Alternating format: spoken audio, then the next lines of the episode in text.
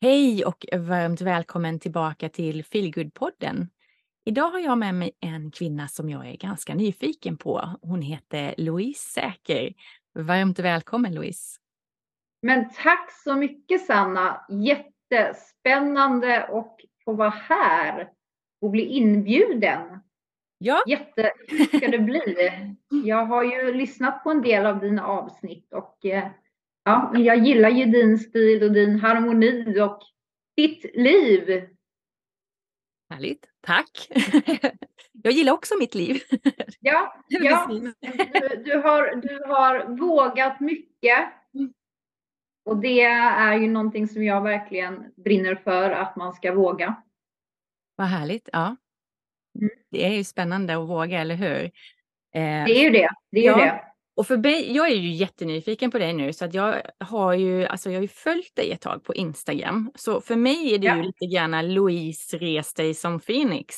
Eh, för det heter ju ditt Instagramkonto, Res dig som Phoenix. Precis. Eh, Precis. Så jag vill ju börja där. Varför det namnet?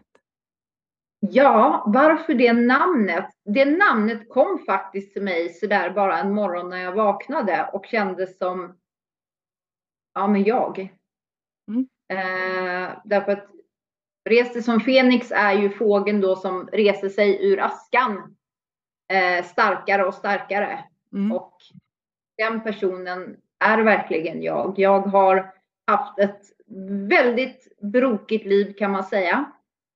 Eh, men rest mig väldigt många gånger och kommit starkare därur hela tiden. Eh, och fått lära mig, tagit det som lärdomar hela tiden, det som jag har varit med om. Kanske inte från första början tog jag det inte som lärdomar. Eh, det har ju kommit med på senare år att jag har fått lära mig att ta det som har hänt mig som lärdomar. Mm. Och mitt motto just att det hände inte mot mig utan det hände för mig. Det är och, fint. Ja, jag mm. tänker ju att det har gett mig de möjligheterna jag har idag. Mm. Möjligheterna att få sitta här, möjligheterna att få hjälpa andra människor. Som inte tvunget behöver ha haft det här brokiga förflutna som jag har haft. Mm. Men så att säga kanske känner att man sitter fast eller inte vågar eller inte förändringar just som jag brinner för just det här att våga förändra för att faktiskt komma till det livet du vill ha. Mm. Och då symboliserar ju Fenix väldigt mycket just det här att våga, att du kan resa dig upp och vara starkare. Bara du vågar. Ja, så vackert. Tack. Ja, jättevackert. Eh, men berätta också ännu mer vill vi ju veta såklart. Vad jobbar du med idag? Idag jobbar jag ju som mental tränare och coach. Mm. Och jag är ju utbildad på båda områdena och så att säga mixar ju ihop det till mitt, min lilla metod så att jag arbetar ju inte bara rent som coach eller rent som mental tränare utan gör ju både och i mitt samtal.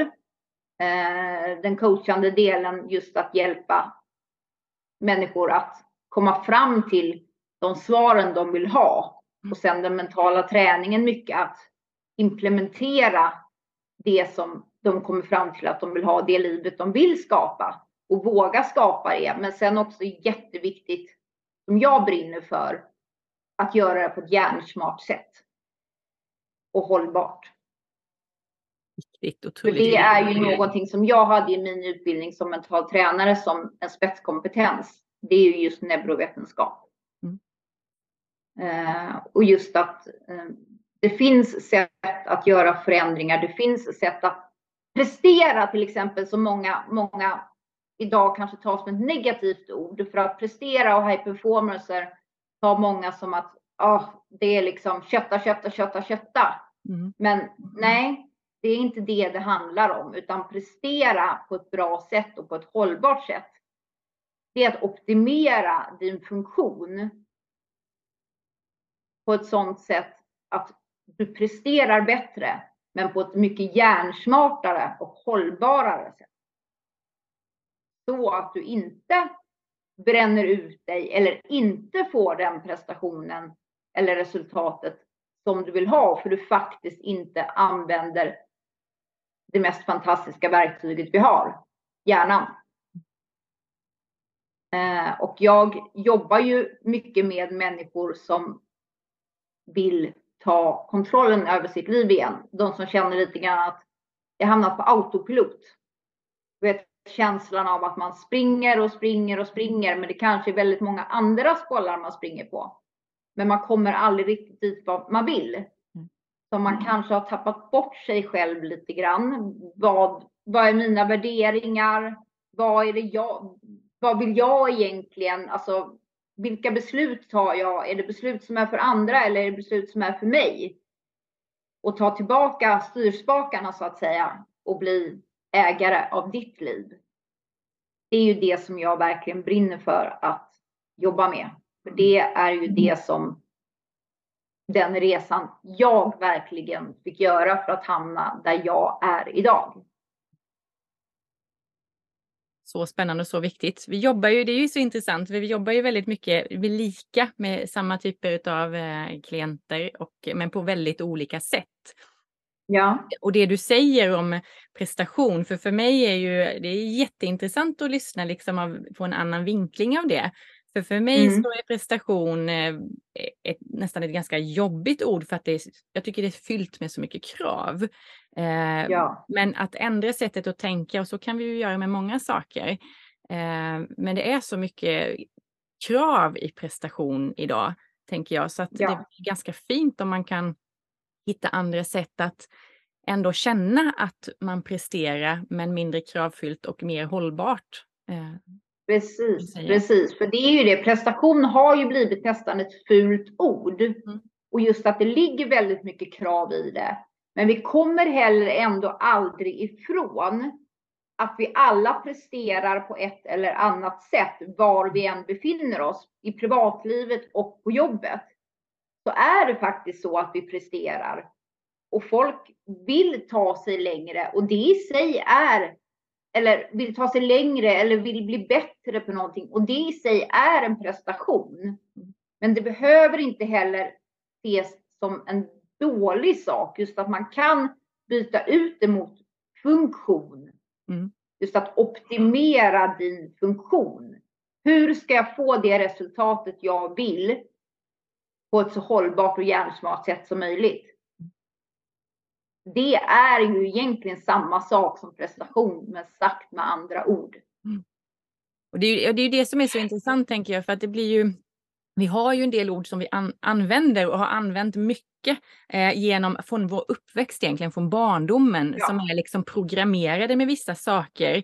Eh, så ibland behöver vi nästan byta ut orden till någonting annat ett tag innan man kan liksom se det ordet utan som då vi tar prestation då för att det är det vi pratar om, liksom, utan att prata prestation utan att känna kravet. Ja. Eh, för att det är så laddat med det från vi är ganska så små egentligen, tänker jag. Ja. Eh, så att byta ut det som du säger till funktion och optimera, liksom att optimera det. Eh, mm. Det blir ju något, det är ju något, händer ju något helt annat i mig och jag tror i många andra också. Eh, ja. Så skulle jag gärna vilja ta tillbaka makten över det ordet, att det ska kännas mer okej okay för oss. Att det inte ska vara ja, precis. Kravfyllt. För min del har jag ju tagit över makten på det ordet. För jag kan säga att jag kommer ju från en uppväxt eh, där prestation var allt. Eh, du skulle prestera i allt och det räckte ändå inte riktigt till. Eh, jag var den duktiga flickan som presterade, presterade och presterade. Och utåt sett såg det nog ut som jag presterade extremt mycket. Eh, redan i unga tonåren, uppväxten och som ung vuxen och så. Så gjorde jag väldigt mycket saker och väldigt mycket saker samtidigt. Men för mig så var det ingen prestation för jag mådde ju skit.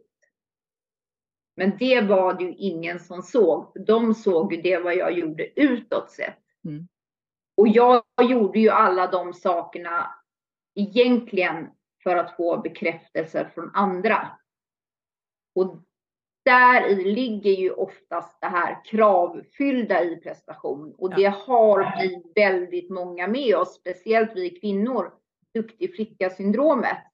Att vi gör saker för andras skull och för att få bekräftelse. Och där i så hamnar ju just det här kravfyllda. Och som jag säger att jag var ingen high performancer, även om jag tävlade på elitnivå. Jag läste dubbelt på universitetet. Jag jobbade och utåt sett så kanske folk hade klassat mig som en high performancer, men det var jag definitivt inte. Utan jag kallar mig snarare en high achiever. Jag var en som gjorde en massa grejer, men inte för min skull. Nej. Utan jag sprang på alla bollar som jag såg för att försöka hitta samhörigheten, få bekräftelsen som jag hade saknat från min uppväxt eh, och som jag inte fick där och som jag fortsatte leta efter. Och då blev ju bara prestation egentligen till sist för mig ett krav. Och jag mådde ju jättedåligt. Eh, så det, det blev ju ingen bra kombination. Eh, och sen då i samband med att jag också i 20 år ungefär levde med odiagnostiserad bipolaritet. Eh, mycket åt det maniska hållet gjorde ju att jag kunde hålla en nivå som var extremt hög, även om jag mådde skit. Mm. Eh, men den såg, folk såg ju inte att jag mådde skit, utan folk såg ju det där mer som mitt normala jag. Mm. Det är, eh, det är Vad sa du? Det är rätt skrämmande egentligen när det blir liksom det på, på något sätt så blir det liksom att eh, ett normalt utåt eller det blir vi fast det är inte vi. Det är liksom det är du, men det är inte du. Ja, eh, jag känner igen det jättemycket. Jag har kallat mig själv för bekräftelse junkie för. Ja. Eh, det känns nästan som att det var liksom som ett, det blir som ett beroende att hela tiden jaga bekräftelse. Ja. Som om det var meningen med typ allt. Det är mm. jättekonstigt mm. och hur man förlorar sig själv och kör över sig själv om och om och om igen. Ja. Ja. Eh, och ändå så är det det som folk ser är och som man hela tiden får höra, man får ju bekräftelse.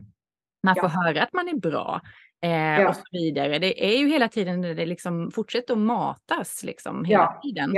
Eh, eh, och då är det också svårt att hitta sig själv, att våga kliva ur det. För vad händer då? I det? Ja, precis. Och jag fick ju tidigt lära mig eh, från min barndom där jag hade en incident i familjen. Eh, där så att säga jag, jag var 12 år gammal och jag skrek på hjälp typ och jag fick ingen hjälp eh, och det tystades ner. Eh, och där och då så fick jag liksom lära mig att be inte om hjälp, visa dig inte svag, var inte sårbar, för det är att vara svag. Mm. Eh, och det såklart bär ju på den här bekräftelsegrejen, att då hela tiden leverera därför att det såg bra ut utåt. Eh, och sen att man mådde dåligt själv, det vågade man inte visa. För att det var att vara svag. Jag tänker det är så många kvinnor, eh, jag, tänker, jag möter det och jag tror att du gör det också, som någonstans också tappar bort sig själva i just det. Eh, att jobba med, liksom att leta hela tiden efter att eller leta, men alltså de, de är så. Eh, ja. Hjälpa andra att hela tiden flytta allting utanför sig själv så de tappar bort sig mm. själva och att inte veta vad jag vill längre för att man hela tiden är ja. så uppfylld med att liksom eh, tillgodose alla andras behov. Ja. Och eh, man går helt vilse egentligen i sitt ja. eget liv. Ja, jo men så är det ju och speciellt sen när man får barn och så också för att då vill man naturligtvis tillgodose deras behov och det är ju jätteviktigt. Eh, men som jag har lärt mig idag är ju att en välmående mamma blir också en bra mamma i de flesta fall. Och att ta tid till sig själv, det är inte att vara egoistisk, det är att vara hjärnsmart. Mm. Eh, för att du kan inte bara tillgodose andras behov. Och barn också måste ju också lära sig för att förbereda sig för världen att okej, okay, men det finns andras behov också, inte bara mina. Det är okej okay att få vänta. Jätteviktigt. På livet ser ut. Mm. Eh, så att det, det, det, det, det är som du säger att det, det är många kvinnor som tappar bort sig själv därför att man ser till, se till andra och sen kanske man har ett bra jobb också och sen så springer man på och fortsätter man springa på där. Och då tänker man inte så mycket och åren går. Tills det kanske händer någonting om man vaknar lite grann upp. Ändra att det kommer en förändring från liksom ingenstans. Eh, eller att man bara får en insikt eller man har det här skavet i magen när man stiger upp på morgonen att uh, ska jag gå till jobbet liksom? Men man gör ju det för man behöver ju pengarna. Mm. Och det känns ju liksom övermäktigt att göra en förändring. För det här jobbet har jag haft i 15 år. Eh, och det ger mig pengarna. Mm. Men det är ju fortfarande då att då har man ju sprungit och då, då gäller det ju att man sansar sig och tänker efter. Vad är det jag vill ha? Vad är mina behov? Vad, vad är mina...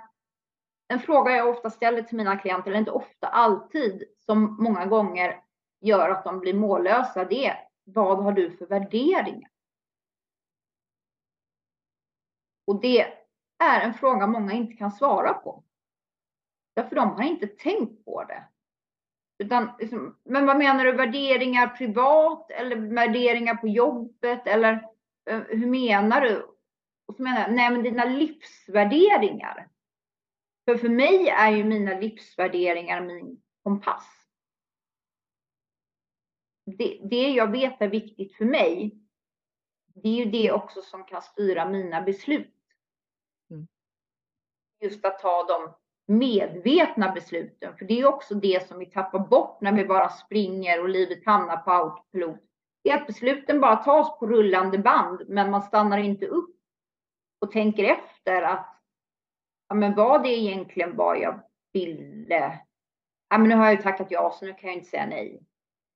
Jag tänker att det är jätteviktigt det här och det, och det är ju sånt som förändrar sig och det är likadant. Jag tänker, jag brukar prata om det också eh, som du gör, fast på ett annat sätt. Liksom. Det här att eh, det förändras över tid, tänker jag. Alltså, ja. Man kör på på autopiloten. Ja, men det här har jag liksom alltid tyckt varit kul.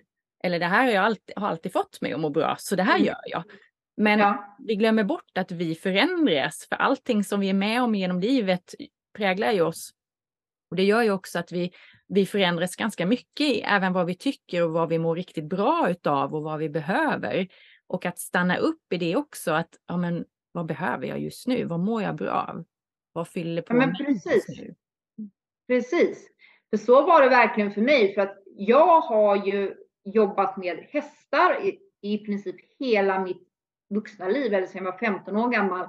Jag har alltid ridit och ridit på professionell nivå och sen haft hästar som jobb och alltid tyckt att det var min passion det var liksom verkligen det jag brann för. Och att, att liksom känna att, att det kanske inte var det. Det var en ganska stor sorg när jag upptäckte det. Det var ju någonting jag spenderat hela mitt liv på. Det var min passion. Men det hade förändrats lite grann till ett krav. Mm. Och världen som jag möttes av där mötte inte heller de värderingar som jag tyckte var viktiga och då började det skava. Mm. Och det upp, började jag ju upptäcka efter jag hade en rejäl krasch för typ sex år sedan nu. Eh, där jag hamnade i, alltså totalt, ja vad ska man säga, jag låg på golvet i två år typ. Nej men ja, ungefär så. Eh, fungerade ju fortfarande väl utåt. Jag hade fortfarande det här, duktig flicka, kunde bita ihop och sköta mina barn och göra allt det här. Men, men alla kognitiva förmågor försvann ju och liksom, det var ju, de sa ju till mig i princip, då blev jag ju diagnostiserad med min bipolaritet. Mm. Och de försökte medicinera och sådär, men det är ju ingenting som har fungerat. Och de jag hade terapi och allt. De sa ju i princip mer eller mindre till mig för fem år sedan att äh, men du får bli sjukpensionär för det här. Det, det finns inga möjligheter. Du kommer inte bli bättre.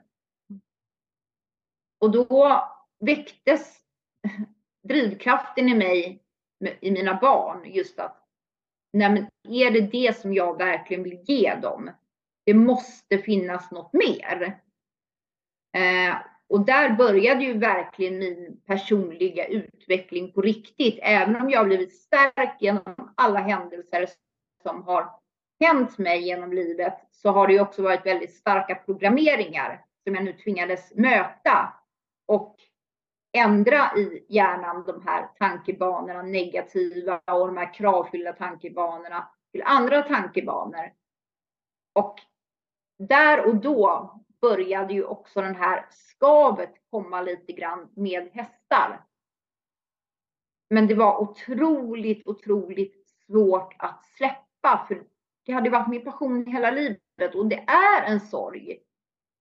Och det ska får vara en sorg också att man kanske släpper någonting.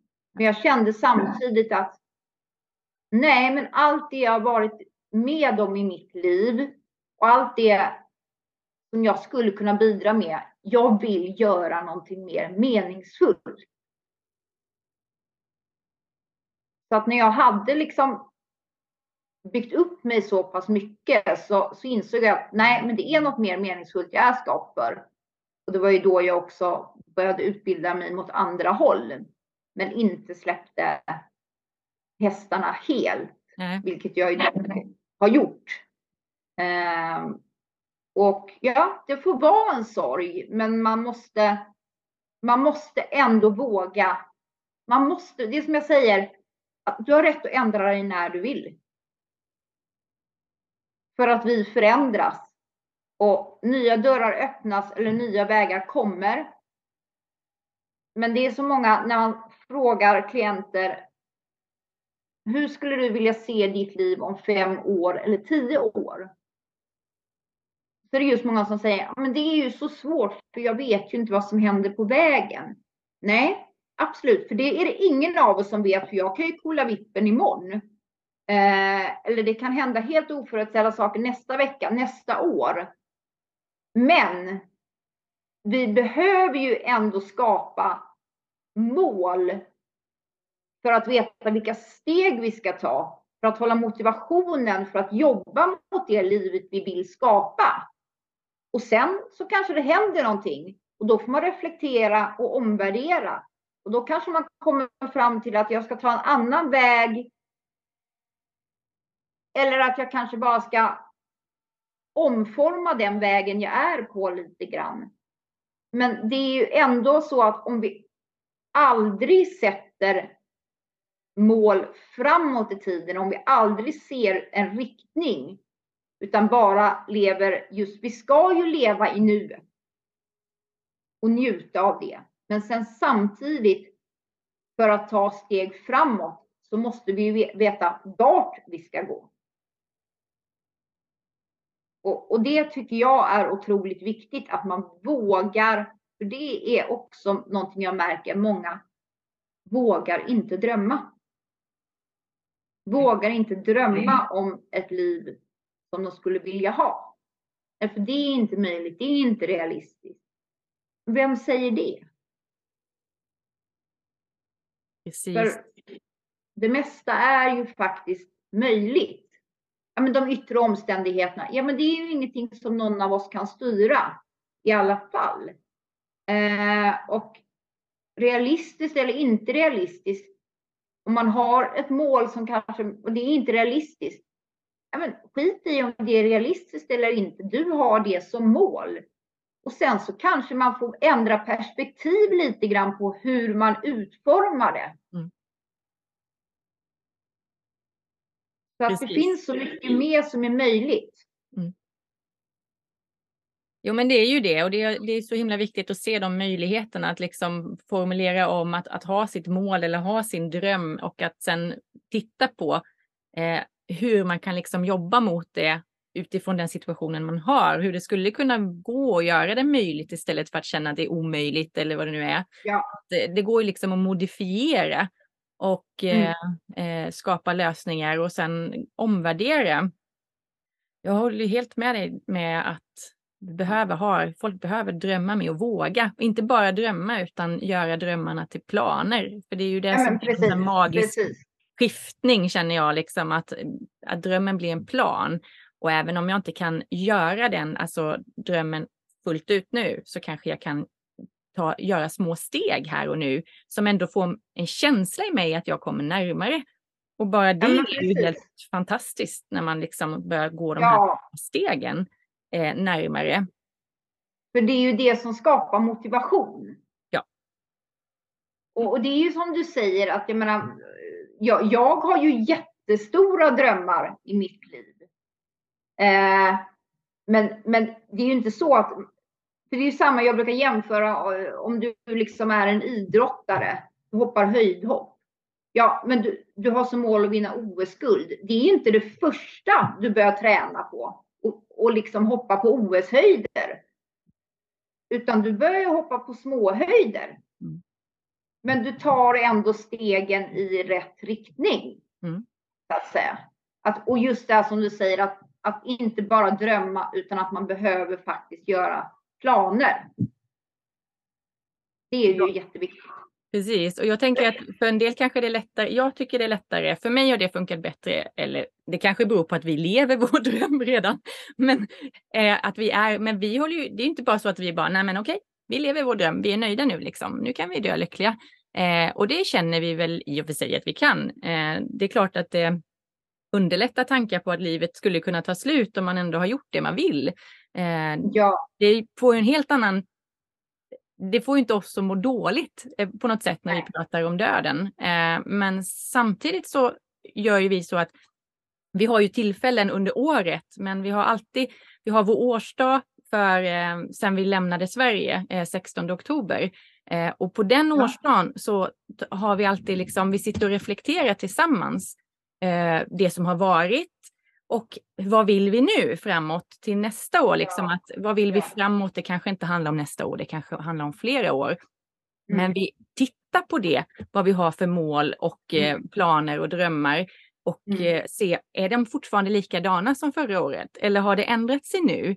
Har vi andra förutsättningar? Hur ser det ut nu? Att hela tiden åter, alltså titta på det igen. För igen det här med att vi förändras. Eh, ja. Så ja, det sker ju saker under ett år också. Så att, och då är det, det är okej att ändra riktning eller göra om eller vad det nu än må vara. Men att faktiskt våga göra det och hålla det levande hela tiden tror jag ja. också är viktigt.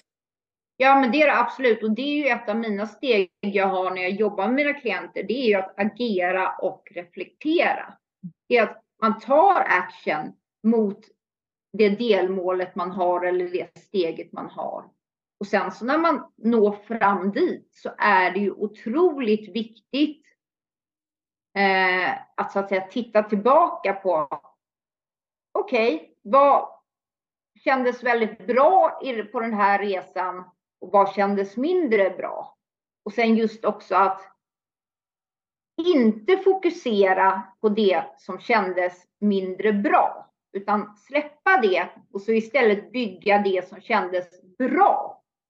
Bygga den vägen, den resan, den känslan som kändes bra. Den stärker man istället. Och sen så funderar man, okej, okay, nu kommer jag till detta delmålet.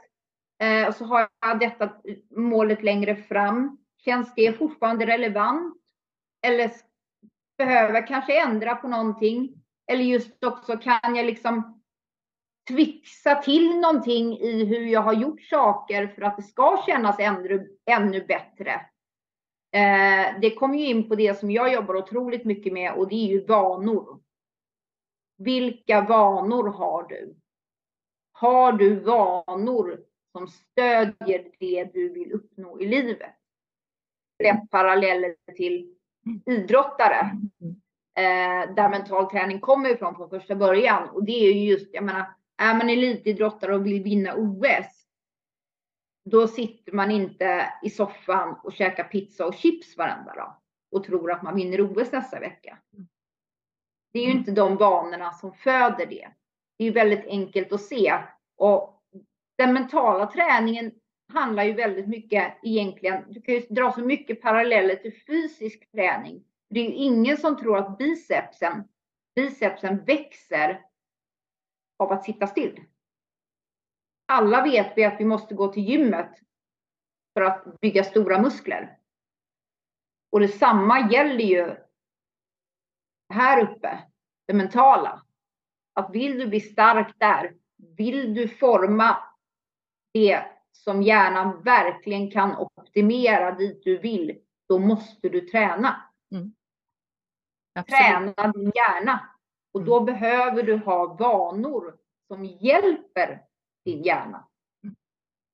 Precis. Jag pratar ju precis likadant om medveten närvaro som du gör mentala träningen, just det här att träna det, liksom, att hur viktigt ja. det är. Ja. Vi behöver göra det om vi vill ha förändring, liksom. och likadant med alla popcornhjärnor som vi alla mer eller mindre har idag. Mm. Um, som har blivit ett sådant begrepp och det handlar ju mycket om att samhället ser ut som det gör, men att det ja. går att träna och hur viktigt det därför är att inte träna att eh, multitaska liksom, utan vi behöver träna det här att göra en sak i taget just för att bli bättre och ta tillbaka kommandot där. Eh, men det var väl mest en parentes, men jag blir så nyfiken när du säger att det här med att jobba med vanor. För jag har, mm. eh, det sista nu så har jag reflekterat mycket över det här och eh, pratat en del i min tribe med mina deltagare där. Eh, mm. Vi håller på att jobba mycket med meditationen nu, att få in meditationsvanor. Ja. Vi pratade lite om det här. Vad är det som gör att det är så förbaskat svårt att skaffa sig bra vanor, men ovanorna de bara kommer? Alltså, det är ju också en typ av vanor, men de är ju liksom de behöver man inte anstränga sig för. Eh, Medan mm, när man vill få in bra så får man jobba så hårt under lång tid, aktivt. Därför att hjärnan tar alltid den lättaste vägen. Det är ju så det är. Eh, och ovanor har vi ju också skaffat oss. Det är ju inte så att de faktiskt bara dyker upp. Det är sant. Utan ovanor har vi skaffat oss. Och då är det de tankebanorna som vi har byggt här uppe. Att, om man då tar rökning till exempel som, som ju är en sak just det här med att sluta och liksom. Det är ju det att sitter du där och ska tända en cigarett och du inte har medvetet arbetat på vilken tankebana vill jag bygga här uppe? Och den måste man ha arbetat in i förväg. Och ha ett starkt varför till. Det är därför det aldrig funkar när någon säger till någon annan du ska sluta röka, för det är inte bra för dig.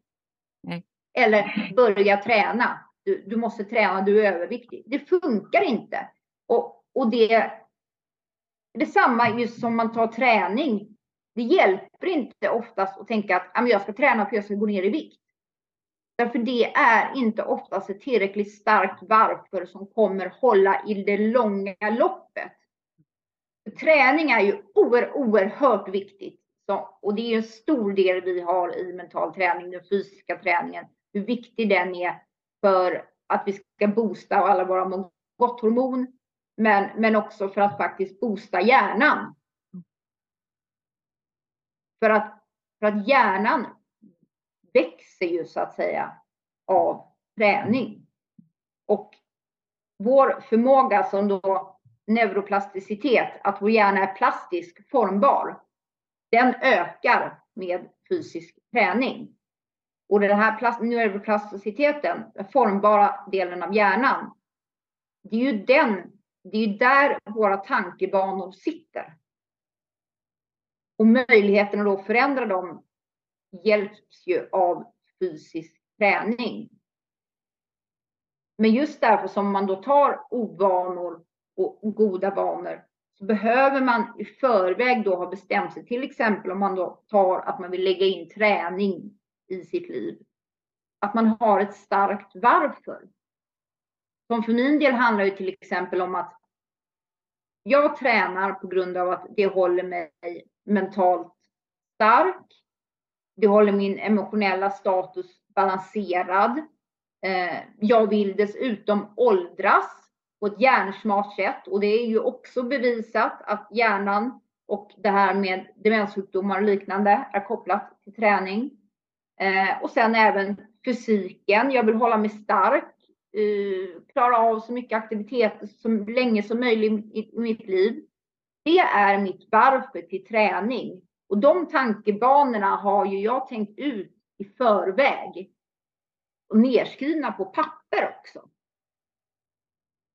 Och matar in hjärnan med. Så när jag ska gå och träna och det känns uh, då.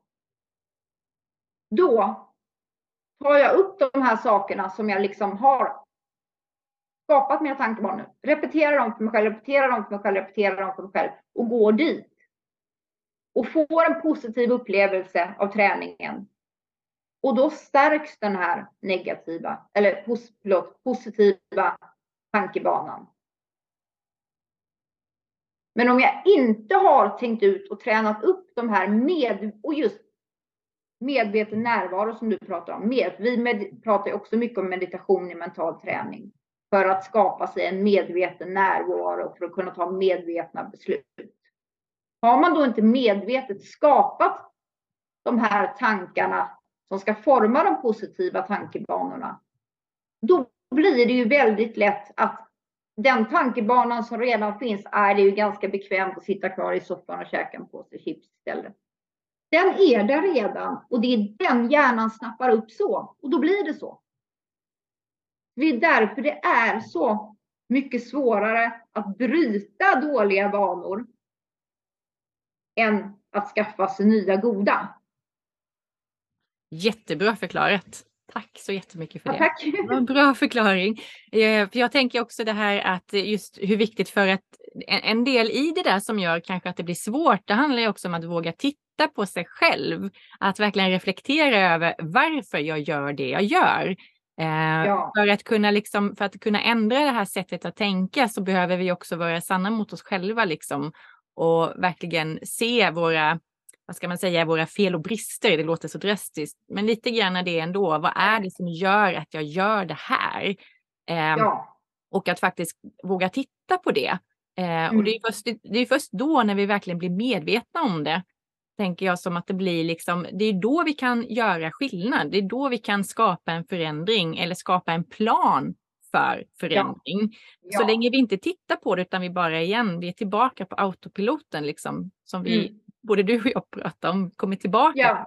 Så länge vi gör ja. det utan att reflektera varför tog jag den där mm. chipspåsen och satte mig i soffan. Ja. Och sen känns det kanske skit efteråt. Men då bara försöker man att trycka undan den känslan istället för att, ja men okej, vad kunde jag gjort annorlunda? Eh, och till nästa gång kanske skaffa sig en plan. Eh, ja, att ha det också. Eh. Precis. Precis. Och det, det, och, och, det är ju som du säger, det är ju väldigt läskigt att titta på det där. Mm. Varför gör jag olika saker? Och ofta är det ju kopplat till självkänslan också. Eh, hur man känner för sig själv och sitt eget värde. Det är ju någonting jag pratar otroligt mycket om. Hur värderar du dig själv? Vad tycker du att du är värd?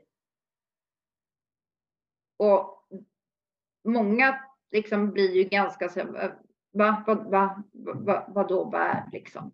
Just att, att hur mycket är du värd liksom? Vilket liv vill du ha? Eh, och då måste man ju också titta på självkänslan och som du säger att man måste ju, eller behöver rätt sagt, måste inte ett ord vi ska använda. Man, vi behöver ju titta på både våra styrkor och våra begränsningar. För begränsningar har vi ju alla. Det gäller ju bara att bli medveten om dem, för då kan vi också jobba med dem. Så stärka det vi är bra på, men vara medveten om, okej, okay, vilka begränsningar har jag, men hur kan jag jobba med dem? Och kanske också lite grann som man tar till exempel om man har det här att man vill utbilda men man tycker det är väldigt jobbigt att stå inför folk. Då är man ju medveten, okej, okay, varför har jag den begränsningen? och gräva lite djupare i hur har den begränsningen kommit sig? Och jobba med det. Och då kan man sedan titta på, okej, okay, men vill jag övervinna den här begränsningen eller inte? För det, det går ju att övervinna begränsningar också. Och sen så kommer nya begränsningar. Det är ju det som är så himla spännande med livet. Ja, precis. Titta tillbaka på i förra året som kändes övermäktigt. Det är ju nu bara, men what piece of cake. Mm. Och det är ju det som är så härligt för att när man väl har börjat inse det så kan man ju också när man står här idag och det känns nej, det här kommer jag inte klara. Det här känns övermäktigt. Jo, men du har ju klarat andra saker innan. Varför skulle du inte klara detta också? Mm. Men många är ju väldigt dåliga på att faktiskt titta tillbaka på vad har jag åstadkommit? Och klappa sig själv på axeln för satan vad jag är bra. Och våga titta sig i spegeln och säga Gud vad jag är grym på detta. Mm. Och just att det vill jag gärna att mina klienter gör. Det är ju det här med tacksamhetsdagbok och vad har jag gjort bra idag? Och många klienter de första veckorna, de skriver ingenting på det jag har gjort bra idag. De, men jag har inte gjort något bra idag. Men så säger jag, men, men vadå inte gjort något bra idag? Stannade du vid övergångsstället och släppte fram ett barn? Ja. Men det var väl en jättebra grej? Ledde du extra mot kassörskan och önskade henne en trevlig dag? Det är också en jättebra grej. Att man börjar se de, alla de här små grejerna som vi hela tiden gör. Mm. För då kan vi till sist sen se faktiskt alla de här stora grejerna som vi också åstadkommer. Det, och, och då, då känner vi oss ju starkare och mer motiverade. För motivation trillar ju inte ner i knät på oss. Motivation skapar vi. Mm. Ja, och jag tänker ju också att tacksamhet, att titta på vad man är tacksam över, de här små grejerna. Det finns ju en anledning att vi säger många bäckar små, liksom, att det blir att vi, att vi plockar det. För det är ju att titta på de här små grejerna också som är så lätt att ta för givet. Eh, när vi börjar tänka på saker vi är tacksamma för så är det väldigt svårt att samtidigt känna ilska eller frustration. För det fyller oss med någonting. Det ger oss ja. energi eh, också, ja. tänker jag. Så det, är, det är så viktigt på så många plan att eh, ja, det är ju det. göra de grejerna. Mm. Jo, men att uppmärksamma de där, som vi har ju en övning som heter guld, de tre guldkornen. Mm. Det är ju så att säga liksom hitta tre guldkorn under dagen. Mm. Och det kan ju vara små grejer. Eh, men, men det är just att, att börja uppmärksamma dem och börja uppmärksamma de här små sakerna att vara tacksam över. Det som du säger, det, det ger ju oss en lite annan syn på vad vi har. Och skapar en annan energi runt omkring oss. Mm. Och sen så ska vi absolut få känna frustration, ilska, allt det där. Men det viktiga med det är, är ju att vi faktiskt vågar visa det. Ja och inte håller det inom oss. Som jag säger, har du ilska, nu har jag turen att bo med skogen utanför, mm. men det är liksom ut, skrik mm. ut din frustration. För det är ju, det, vad som jag, jag lyssnade på, på en av mina coacher igår som pratar om känslor och hon jobbar mycket med ledare. Just det här med att visa känslor och inte på jobbet. Eh, och, och just det här att många hamnar liksom lite i det här det modet att man inte ska visa någonting alls. Men, men de här glada, jag har lyckats och gud vad bra det går nu eller det här, det här liksom, det smittar ju av sig på andra människor runt omkring dig. Och sen självklart kanske man inte på en arbetsplats visar sin ilska. Men den får man visa när man kommer hem ute i skogen. Eller skriva eller vilket sätt man nu har för att få ut saker. Men det är ju alltid viktigt att få ut även de så att säga negativa känslorna vi har som vi alla, som vi alla har oavsett hur stark självkänsla eller hur starka vi är mentalt. Så är det ju en ganska vanlig missuppfattning att okej, okay, men du är så stark mentalt eh, och har så bra självkänsla. Du hamnar väl aldrig i negativa tankebanor? Mm. Eh, jo, mm. jag får också oro, ångest och tvivel och allt det som alla andra får, för det får vi alla. Mm. Men skillnaden är hur hanterar jag det? Mm. Absolut, för jag tänker ju precis som du säger, alla känslor behöver ju få finnas och det, det är ju det som är farligt med att trycka undan dem. Det är ju inte det jag tänker när, heller när vi pratar om tacksamhet att göra, utan det är ju lite grann ibland för att inte fastnar och ibland blir det så tungt så att vi orkar liksom inte ta hand om den där känslan att vi behöver en, eller en paus i det. Och då kan det också vara bra att titta på de här små guldkornen, att inte fastna i det här tunga, men släpp ut det. För så fort vi drar ihop oss så trycker vi ner det i kroppen och då tar det ju plats som vi annars kanske kan, om vi släpper ut det så kan vi släppa taget om det. Och då ja. ger vi ju plats för annat eh, ja, att komma till oss. Så det är ju så mm. otroligt viktigt eh, att verkligen tillåta oss de här känslorna. Att ha strategi ja. för det också på olika sätt. Och det är ju eh, lite som när man pratar om det här säga ja och säga nej. Mm. Säger, säger du nej till någonting så, så ger det ju faktiskt plats till något annat. Och det är ju samma sak med känslorna. Att, att låter du dem flyga ut så finns det ju mer plats till det positiva. Absolut. Ja. Vi skulle, kunna prata, ja, vi skulle kunna prata hur länge som helst Louise tror jag. ja. Massa intressanta saker och eh, liknande tankar fast vi formulerar oss på olika sätt. Jag tycker det är ja. jättespännande. Ja. Men innan mm. vi slutar så skulle jag vilja ha eh, att du delar med dig av dina egna bästa feelgood tips. Eh, vad, vad, vad, skulle du kunna tipsa om? Vad tycker du är liksom må bra för dig? Må bra för mig? Mm. Det är fysisk träning. Det är nummer ett för att må bra, anser jag. Eh, på grund av att vi boostar kroppen med så många må gott-hormon som hjälper oss att så att säga också skapa nya vanor och hålla nya vanor. Eh, som det här du pratade om med chipspåsen till exempel, man äter den och känner en belöning. Där är ju en vanlig missuppfattning just det här med dopamin till exempel, att det, det, det kommer som en belöning. Mm. Nej, dopamin utsöndras vid förväntan redan. Så där har man ju också ett sätt att hacka sin hjärna lite grann och just de här drömmarna startar ju dopamin. Så att, ja, det var bara en liten eh, sidospår på varför träning är så viktigt, för det utsöndrar också dopamin så att där hjälper vi kroppen att hålla igång och komma mot det här drömmar och det är oxytocin som är liksom också smärtstillande och serotonin, det som vi stoppar i oss i antidepressiva, det får vi gratis i träning. Det är ju mitt nummer ett tips om för att hålla en bra nivå på hjärnan och hjälpa den på vägen. Det, det är verkligen mitt nummer ett tips. Mm.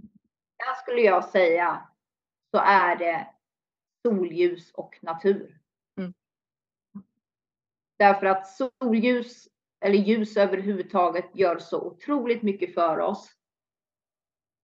Och naturen i sig är en läkande plats. Forskning har ju visat på att bara genom att lyssna på fågelkvitter några minuter på morgonen så utsöndras också massa må gott mm. substanser mm. eh, och formar din dag. Mm. Eh, och naturen ger också sån otrolig plats till att skapa en medveten närvaro. Att gå i skogen utan någonting i öronen, öronen och lyssna på fåglarna. Som känna lukterna, se färgerna och liksom ta in det. Det är en så otroligt bra gratis träning i medveten närvaro. Mm. Eh, så för min del så är det fysisk träning och natur. Och sen faktiskt att lyssna på dig själv. Lyssna in på morgonen. Vad behöver jag idag? Och sänk kraven om du behöver det. Det finns inget fel i att sänka kraven. Men lyssna på dig själv mm. och känn, okej, okay, det här är ingen bra dag. Hur kan jag göra för att det ska bli en bättre dag? Mm. Vad ska jag boosta mig med för att det ska bli en bättre dag? Vad kan jag prioritera bort? Och just det att det är inte egoistiskt att prioritera sig själv. Det är hjärnsmart. Det är, och hållbart. Det är mycket smart. Mm. Det är som man säger på flygplanet. Sätt på dig syrgasmasken först och på dina barn sen. Mm. Då kollapsar du så hjälper det inte så mycket att barnet som är två år har syrgasmasken på sig. Nej. Det använder jag mycket i mina barnyogautbildningar till instruktörerna också, att börja med sig själva innan, att jobba med sig själva innan man tänker att man ska, jag ska göra det här, jag ska göra yoga med barn för jag vill att de ska må bättre, barn och unga.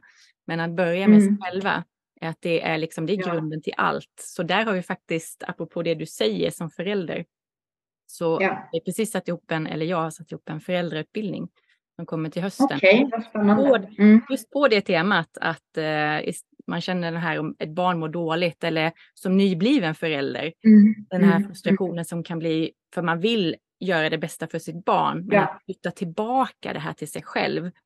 Ja. Att göra saker jag som nu då har blivit farmor eh, och min son eh, då som har blivit pappa för första gången. Han sa mm. i början, eh, första veckan tror jag det var när de hade kommit hem, så sa han han har så ont i magen och det är så jobbigt och man blir så trött och man vet inte vad man ska göra. Och så sa jag det, när du var liten så hade du det också. Och då brukade jag mm. spela musik för dig ganska högt och vi var så fascinerade över att du gillade Enia. För det tyckte vi då. För det var ja. liksom det, han, han tystnade när vi satte på Enia ganska högt när han hade sina här, mag och skrikperioder. Eh, men idag, med den kunskapen jag har idag, så vet jag mm. att jag blev lugn av Enia. Vilket ja. gjorde att du blev lugn. Eh, ja. Och en vecka senare så hör han av sig till mig och säger att nu har jag haft det lugnaste blöjbytet hittills. Jag spelade Enia och vi var jättelugna båda två. Och jag har inte lyssnat på Enia sedan du spelade det för mig när jag var liten. Men det gjorde, han fick ändå den effekten. Men så... Gud vad fantastiskt. Så... Vilka, alltså gud vad fint. Ja. Men alltså, det är ju verkligen någonting jag tar med mig från alla år jag har jobbat med häst. För det är ju just det att är jag lugn mm. så blir hästen lugn. Mm. Och det, det har jag ju, många har ju många gånger frågat mig, när mina, mina äldsta barn som idag är 20 och 17 som var med mig överallt Eh, när jag var själv med dem och jobbade väldigt mycket. De, då frågade alltid folk, men, men hur har du liksom lyckats med att de är med och de är så lugna och de sitter och väntar och de roar sig själv? Och, ja, nej, men jag uppfostrar dem ungefär så som jag uppfostrar hästarna, brukar jag säga på den tiden.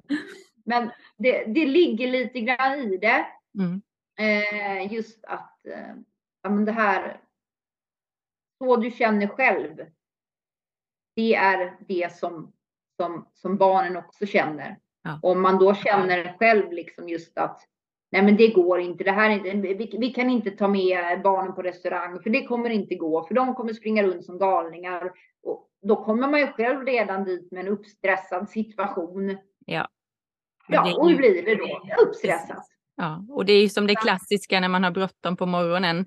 Vad är det som ja. händer då? Jo, men barn vägrar eller barn, barn krånglar tycker vi. Fast det som händer är att vi har smittat dem med vår stress. Eh, ja. Så det blir liksom en ond cirkel. Och så de vet inte vad som förväntas av dem då. Nej. Så det är ju jättefint det du säger just det där med föräldrarutbildning just med att men, föräldrarna behöver kanske titta på sig själv först innan ja. man tar med. För barnen är ju egentligen så mycket mer formbara och det är så fantastiskt just det du gör. Mm. Och jobbar med barn och yoga och ger dem de förutsättningarna från tidig ålder. Ja. Det är ju verkligen det som jag också försöker ge mina barn. Nu är jag absolut ingen yogamänniska och det erkänner jag och det är någonting jag vill. Men ja, gud, jag har inte hittat klasser eller vad, rätt instruktörer skulle jag säga, mm. som passar mig. Mm. Eh, men, men just det jag gör och hur jag är som person vill jag, gör ju jag för att jag vill vara en förebild för dem och ge dem rätt verktyg. Mm. Och det är ju så fantastiskt just att du ger yogan som också är ett så fantastiskt verktyg att vara i sig själv mm. och redan så tidigt träna den medvetna närvaron som egentligen barnen kanske har naturligt i sig, men det är ju vi som plockar bort den. Mm. Precis. Och då, det... hjälper det inte, då hjälper det ju inte så mycket om du tar barnen och sen så ändå föräldrarna sitter där hemma och plockar bort det du så att säga ger.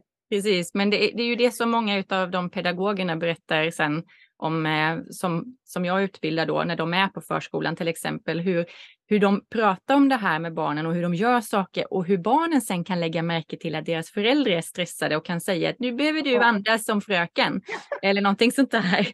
Och det är helt underbart, men så känner jag att vi kan få en annan ingång till det genom att också då skapa föräldrautbildningar. Och det kommer mm. vara som i, i, i, tre steg faktiskt. Och den första som är basen kommer inte ha mm. någon yoga alls. Just av den anledningen för att yoga kanske inte passar alla och många har föreställningar om vad yoga är. Ja, så ja. i basen så kommer vi att prata om vad stress är och nervsystemet och vi kommer mm. jobba med andningsövningar och musik. Ja. Så enkla eh, redskap utan att det blir för mycket som ska vara lätt att liksom använda sig utav. Och sen kommer del två vara hur kan jag göra detta med mina barn om jag vill lära dem det i olika åldrar. Och steg tre så har vi, har vi yoga för de som vill. Mm. Eh, så att mm. man kan ju liksom nöja sig med basen och känna att ja, men det här är det. Eh, that's enough för mig. Liksom. Ja, ja, precis. Jo, men det är ju ett jättebra tänk just att vagga, vagga ändå in dem i små steg. För det, mm. det är ju som allt det du och jag jobbar med. Många känner ju liksom att nej, nej, men det, vet när man tar upp meditation med folk ibland. Nej, nej, nej, det är inte för mig. Det är inte för mig. Och där har jag ju själv också varit att, gud nej, när någon nämnde meditation, jag blev ju helt skitnervös mm. och stressad av bara tanken. Jag har ju förstått nu att det var på grund av att jag behövde det så mycket. Precis. Eh, och det är ju oftast därför också folk ju ja. blir så. Man, nej, nej, men det har jag prövat, det funkar inte. Och grejen är att det men, finns så många olika meditationer. Ja. Vi pratade ju om det här om dagen i min också i min medlemsgrupp David, där vi just mm. nu kör en meditation i veckan. Och just ja. har vi en som är, det är mantra och rörelser och hur det passar mm. en del och framförallt då man kanske har mycket i huvudet och det, mm. det kan vara läskigt att sätta sig ner och liksom att ja. det är tyst ja. runt omkring för då, mm. då märker man allting som poppar ännu mer och det kan stressa. Mm. Men att då göra en meditation och även då som en del i gruppen hade gjort var någon som till exempel upprepar ett mantra som vi har haft eh, varje mm. gång hon cyklar till jobbet. Mm. Eh, och det mm. skulle man kanske inte säga att det är meditation, men det är ju det. För i hennes huvud ja. så stillar det sig. Under den tiden så tänker hon på det här mantrat och det ja. blir still. Det, det, stoppar liksom popparna eh, ja. och det blir en stund av, av en form av stillhet i hjärnan. Precis. Så det Precis. finns så många olika sätt, typer av meditationer som går att göra. Ja, men det gör ju det och sen så, sen så kan man ju liksom när man har lärt sig det, då kan man ju kanske bygga på med nästa stabil. Precis. Eh, och, och, jag håller helt med dig om det, att just saker när man gör grejer i rörelse kan ju verkligen, för då fokuserar man lite grann på rörelsen och ändå är här. Just det där att bara sätta sig med sina egna. Jag hade en klient som, som jag bad just, ja, men, gå ut och sätta dig på en, en stubbe liksom med, med dig själv i tre minuter. Mm. Eh, alltså, det var det värsta hon varit med om. Mm. Ehm, och då får man hitta, hitta en annan ingång så att säga, mm. hur man ska göra där. Sen ibland kan det ju vara så klart att du måste utmana dig själv, för ibland måste man över vissa steg. Ja, och sen går det ju som sagt var att hitta olika steg dit, att det behöver inte vara liksom ja. därifrån till dit, utan precis Nej. som du säger med, med drömmar, det behöver liksom inte, man siktar inte på OS direkt liksom, Nej. utan att det finns steg att ta. Eh, som ett steg för, som jag tycker är bra att ta till den här egna stillhetsmeditationen i tystnad. det är ju till exempel att använda sig av ett mala eller ta ett snöre som du har massa knutar på, blunda och räkna. Mm. Tappar du räkningen ja. så börjar du om eh, och ja. bara fokusera på det, knut för knut eller pärla för pärla. Och mm. det är mm. det du ska göra och när du ja. har gjort det så är du klar. That's it. Eh, mm. det är ju liksom ett steg eh, i mm. att, att börja komma närmare den där, kunna vara tyst och stilla. Ja men, men precis, det... precis. Det, det, för det är inte så lätt som, som det låter. Jag vet när jag gick min coachutbildning så hade vi det här men sitt eh, tyst, andas och räkna till 30 utan att tänka på något annat.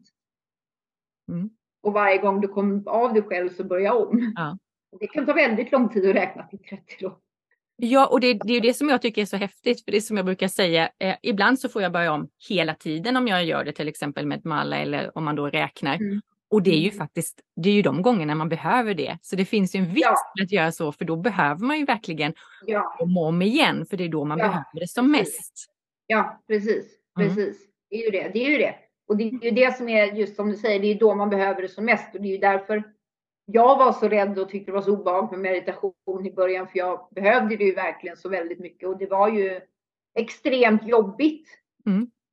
i början. Och, och, det var ju liksom, man tyckte inte det funkade och man tyckte inte man fick ut någonting. För det är ju liksom inte så att, att eh, inte för de flesta i varje fall, att man får en aha-upplevelse direkt Nej. och märker liksom wow.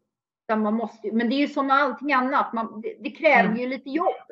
Ja, det gör ju det. Så är det ju med, med allting i livet. Det kräver ju lite jobb, men där får man ju ställa sig frågan, är jag värd det? Mm. Som jag ställer till mina. Det, och den frågan tycker jag är så otroligt viktig att ställa sig själv. Är jag, vad, hur mycket är jag värd? Mm. Eller vända på det och bara säga jag är värd det.